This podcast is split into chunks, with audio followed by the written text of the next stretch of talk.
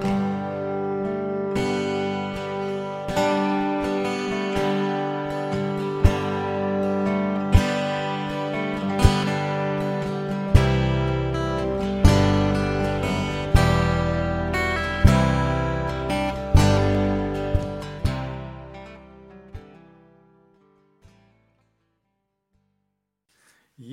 Welkom alweer bij inmiddels de negende aflevering van de Genetische Genealogie podcast. Mijn naam is Erik Mols en vandaag ga ik met jullie praten over clustering en tree building. Oftewel het groeperen van matches en het maken van stambomen. Ehm, bij clustering en tree building kijken we naar methodes om dus matches te groeperen welke overeenkomen met een MRCA-koppel. Oftewel dus een koppel mensen, een man en een vrouw, die dan van meerdere matches samen de most recent common ancestor zijn. Dus de, zeg maar de, de, de, laatste gezamenlijke voorouder die je hebt. Ja? Nou, je wil dan uh, je matches dus in groepen kunnen plaatsen, zodat je dan kan bepalen uh, waar dat ze horen. Nou zijn er verschillende methodieken om dat, doen, om dat te doen. Je kan dat bijvoorbeeld met de hand doen met de Leads methode.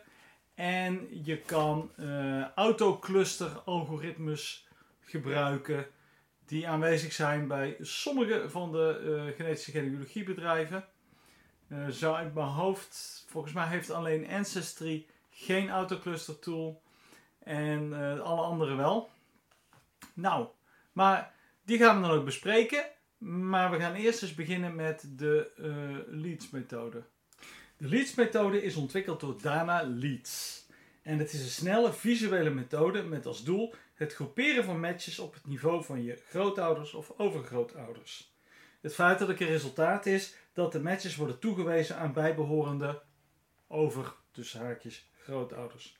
In de Leads methode doe je dit groeperen zelf met uh, de hand dus. Nou, vaak maak ik gebruik van een spreadsheet programma. En dat kan een programma zijn zoals Microsoft Excel, maar ook LibreOffice Calc is geschikt.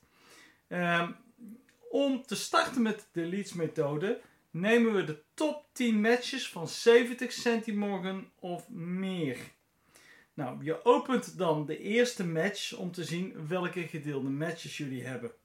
De aanname is dat de gedeelde matches uh, en jijzelf, dat die dan een gedeelde voorouder hebben. Je kan precies dus hetzelfde doen voor iedere match. Wanneer je klaar bent, heb je als resultaat een aantal clusters, waarvan sommige overlap kunnen hebben. En uh, wanneer je van sommige matches de exacte familierelaties weet, kun je dit natuurlijk gebruiken en ze markeren. Nou, laten we eerst eens beginnen met te, te uh, onderzoeken hoe die eerste stap van die leads methode nou werkt. Nou, je maakt dus een spreadsheet en ik plaats dan zelf meestal in de eerste kolom, kolom A, uh, plaats ik de namen van de matches. En de kolommen achter, uh, daarachter, B tot en met G, die geef ik meestal een ander, uh, een ander kleurtje. De bovenste rij dan, zodat ik weet, hey, dit cluster wordt die kleur en dat cluster wordt die kleur. Nou, um, Vervolgens, uh, dat is dan de tweede stap, uh, heb ik eigenlijk tweede en derde cousins nodig. En dat zijn waarschijnlijk matches tussen de 90 centimorgen en de 400 centimorgen. De eerste cousins die worden uitgesloten omdat zij met meerdere clusters gaan matchen. En ik neem die eerste cousins wel in een later stadium mee, maar in het beginsel laat ik ze weg. Nou, uh, vervolgens pak ik de, de ik, ik sorteer ze op, op grootte en ik begin bij de bovenste. En eh, ja, daar kan ik het eerste vakje dan al van inkleuren. Hè. Dat is het eerste lid van dat cluster. Nou, uh, vervolgens ga ik uh, alle matches die uh, de bovenste persoon, bovenste match en ik zelf delen, die ga ik diezelfde kleur geven. Ja, goed zo. Nou, dan zul je al zien dat bepaalde matches van mijn lijstje wegvallen, want die zitten nu in dat cluster. Nou, um, als ik dan klaar ben daarmee, en ik heb dus alle matches bekeken om te kijken van uh, delen die uh, uh, dus die match, dan heb ik ze er allemaal in zitten. Ik heb bij die persoon gekeken welke matches dat hij heeft. Ik heb gekeken welke matches van die persoon ook bij mij overkomen. Die heb ik allemaal dezelfde kleur gegeven. Nou, vervolgens ga ik dit herhalen. En dan pak ik de hoogste uh, match weer die nog geen kleurtje heeft. Die geef ik de volgende kleur. En dan ga ik het hele circus herhalen. Ik kijk welke matches die persoon dan deelt met mij. En die krijgen allemaal dezelfde kleur. En zo ga ik door tot ik geen mensen meer over heb. Ja. En dan heb ik dus clusters gemaakt. Nou, dan is het leuk als je dat af hebt om eventueel first cousins erbij gaan te betrekken.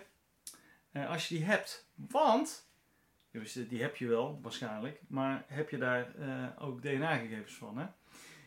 Uh, wat, dan kun je namelijk, oh, met een beetje mazzel, kun je achterhalen van ieder cluster welke grootouderpaar dat er aan hangt. En, want bij First Cousins weet je meestal waar dat ze zitten. Nou, dat is dus heel erg leuk. Ga je alle grote overgrootouders vinden? Uh, waarschijnlijk niet. Ik zelf heb van, met de delete methode heb ik van mijn acht um, overgrootouders, uh, zeg maar, heb ik er uh, zeven kunnen vinden. Ja, meer niet. Helaas. Dus dat is de leads methode. Nou. Dan de autoclustering. De autoclustering, daar hoef je niks zelf te doen. Daar krijg je een vergelijkbaar resultaat. Namelijk groepen die een kleurtje hebben gekregen. Alleen hebben dan automatische algoritmes dat gedaan. Nou, daar moet je dan op vertrouwen. Overigens, eh, je kan niet zeggen het algoritme van CatMatch is beter dan dat van MyHeritage of dat van MyHeritage is beter dan dat van Living DNA. Want voor uh, alle clusteralgoritmes uh, die maken gebruik van hetzelfde algoritme geschreven door een, een Nederlandse bioinformaticus. Dus die zijn eigenlijk allemaal identiek. Het is dan alleen de input die anders kan zijn. Nou, dat is, uh, is clusteren. Uh, maar we hebben nog een methode die je zou kunnen gebruiken om het, ja, de, de, de groepen eigenlijk inzichtelijk te maken. Om te kijken wie waar hoort. En dat is bijvoorbeeld met een chromosoombrowser. Kijk, als je namelijk weet dat een bepaald segment van een bepaalde uh, grote ouder of overgrote ouder afkomstig is, dan zou je natuurlijk met de chromosoombrowser specifiek naar dat segment kunnen gaan kijken om te kijken welke andere van je matches ook dat segment hebben. Nou, dat is heel leuk als ze dat segment hebben, want dan weet je vrij waarschijnlijk dat ze van uh, dezelfde uh, grootouder of overgrootouder afstemmen. Maar als ze het niet hebben, weet je het niet. Want ja, immers, ze zijn zelf 50%, 50% van beide ouders. Dus het kan zijn dat ze wel van die grootouders afstammen, maar dat ze het, segment gewoon niet meer hebben. Nou, dus dat kun je doen met de chromosoombrowser. Met de chromosoombrowser kun je ook vaak uh, meerdere mensen selecteren. En dan kun je die vergelijken met elkaar. En dan, dan kun je dus zien uh, waar de segmenten zich uh, bevinden en met name de overeenkomsten die ze met jou hebben. Dat zegt niks over de overeenkomsten die ze met elkaar hebben, tenzij dat de chromosoombrowser er een triangulatiemarker bij plaatst. En dan weet je dus, hey, we delen dit dus met z'n allen. Dat wil zeggen, de mensen die dan omcirkeld zijn. Dus, ja, en de enige methodiek die feitelijk uh, ook nog bruikbaar is en die we in deze zaak ook nog uh, moeten bespreken, is denk ik de DNA Painter. Ja, het is dus vergelijkbaar. DNA Painter is een tool, die kun je vinden op de website dnapainter.com. En met die tool daar kun je dus chromosooms, chromosomen intekenen. Dus je moet het maar zo zien. En ik neem daar een plaatje van op eh, op mijn website. Dus dan kun je een gepaint chromosoom zien. Uh, DNA Painter kun je de meeste van zijn faciliteiten kun je gratis gebruiken. Dus dat is hartstikke leuk. Ze hebben ook een betaalde dienst. Dan, dan kun je wat meer. Ze hebben wel meerdere leuke, belangrijke tools. De DNA Painter dus. Wat je doet, uh, je exporteert data van uh, het bedrijf waar je getest hebt. Het is bij DNA Painter wel zo dat je niet van alle bedrijven de data kan verkrijgen. bijvoorbeeld MyHeritage prima is mogelijk. en in mijn boek beschrijf ik ook exact hoe je dat doet. Het gaat een beetje ver om dat in een podcast te vertellen als ik daarbij uh, toch zo moeilijk is om afbeeldingen te gebruiken. Uh, bij Ancestry uh, moet je het via een omweg doen. Ancestry zelf, daar kun je de data niet rechtstreeks kopiëren om, om die dan te gebruiken die in Painter. Maar wat je wel kan doen is je Ancestry data uploaden naar bijvoorbeeld GetMatch. En dan kun je via GetMatch de data verkrijgen. 23andMe kun je de data ook zonder problemen van verkrijgen. Uh, Living DNA uh, gaat ook niet, maar ook hiervoor kun je een omweg via GetMatch doen. En uh, ja, dan kun je losgaan. Nou, wat is het dan eigenlijk nu precies? Nog een keer. Hè? DNA Painter is een online grafische tool waar je DNA-matches kunt toewijzen aan een genoomdiagram. En in dit genoomdiagram zijn jouw 22 chromosoomparen zichtbaar plus jouw X-chromosoom van je moeders kant. En voor elk van de 22 paren chromosomen kent het een, een uh, paternal en een maternal kant. En in de DNA Painter heb je de mogelijkheid om jouw matches op de juiste plek te verven. En als je dat op deze manier aanpakt, dan komt er een vrolijk gekleurde afbeelding uit. Zoals ik uh, ook gepost heb op mijn website. Ja? Uh, die DNA Painter die heeft de mogelijkheid om dus de clusterinformatie van bijvoorbeeld GetMatch of MyHeritage uh, te importeren. En uh, dat is dus heel gaaf. Maar voordat je gaat painten, zou ik zeggen, ga eerst eens even nadenken, ga eens even zitten. Ga nadenken over een naamgevingsconventie die je koppelt aan de kleurtjes. Ja? Ik heb zelf een, een code gebruikt voor mijn overgrootouders gebruik ik de code 1G tot uh, eh, 8G. Dan dat de G natuurlijk van uh, overgrootouders. Een beetje raar dat ik niet de O heb gebruikt, maar goed. Ik heb ook een, een 1B tot een 16B code.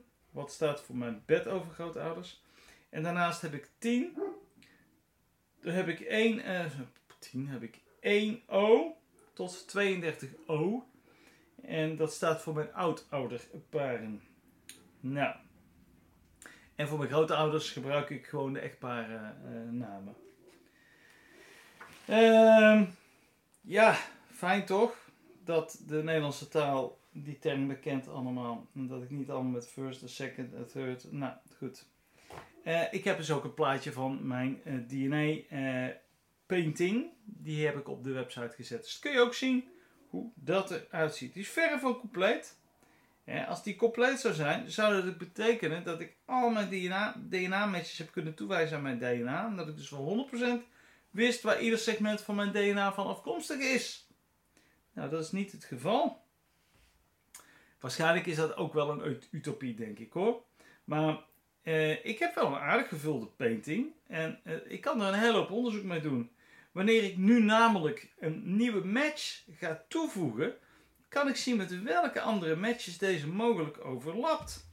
En omdat ik kleurtjes heb gegeven aan de hand van mijn oudouders, mijn bedovergrootouders uh, enzovoorts, heb ik dus gelijk een idee waar deze persoon dan in mijn stamboom past. Gaaf. Oké, uh, ik moet natuurlijk wel oppassen, want hij vraagt aan mij altijd of het de paternal en de maternal kant is. En ja, daar kun je natuurlijk ook overlappen in hebben in die beide kanten. Dus dat blijft oppassen. En uh, kunnen met meerdere groepen overlappen. Hè? Zeker met die oudouders. Je weet nooit hoe ver die weer familie van elkaar zijn. Nou, uh, nou als, je, als je bent ingelogd in de DNA Painter, dan uh, kun je dus gewoon beginnen met het maken van een eigen chromosoomkaart. En uh, ja, dan, dan krijg je een leeg diagram en dan kun je beginnen met schilderen. Nou, feitelijk ga je dan dus Paint a New Match doen. En dan opent er een, een browservenstertje. En daar kun je dan jouw DNA-code van GetMatch, Family Tree DNA, 23andMe of MyHeritage kun je daarin plakken. En dat is dus gewoon de data die je krijgt uh, van een match met erin de shared segments. Die kopieer je, plak je erin en dan uh, ja, bewaar je hem feitelijk. En dan zie je het resultaat. Dat is eigenlijk globaal gesproken wat je met de DNA Painter doet.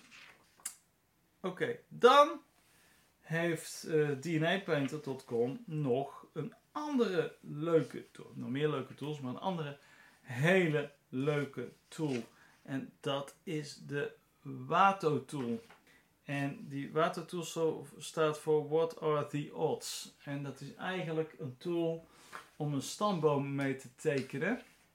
Waarbij je dan uh, scores met matches en de leeftijden of de geboortejaren van die matches en overlijdensjaren van die matches invoert. En vervolgens kun je dan van een, een onbekende match, van wie je niet weet uh, waar dat die precies in die stamboom past, kun je aan die watertool een, een schatting vragen. En ik heb best wel zaken met die watertool opgelost. Maar de, de, de watertool is een beetje te complex, denk ik, om in een podcast uh, goed, goed uit te leggen hoe dat die werkt. Dus ik zou zeggen, uh, koop mijn boek. Daar staat hij in uitgewerkt, helemaal. Ja. Of als je denkt, Engels is geen probleem, dan kun je natuurlijk ook naar mijn YouTube kanaal gaan. Uh, en een en ander is allemaal te vinden op mijn website. En het adres was ook alweer www.filin.nl. En dat is F-I-L-I-N.nl. Dankjewel dat je hier weer was om naar mijn podcast te luisteren. En ik spreek je vast een volgende keer.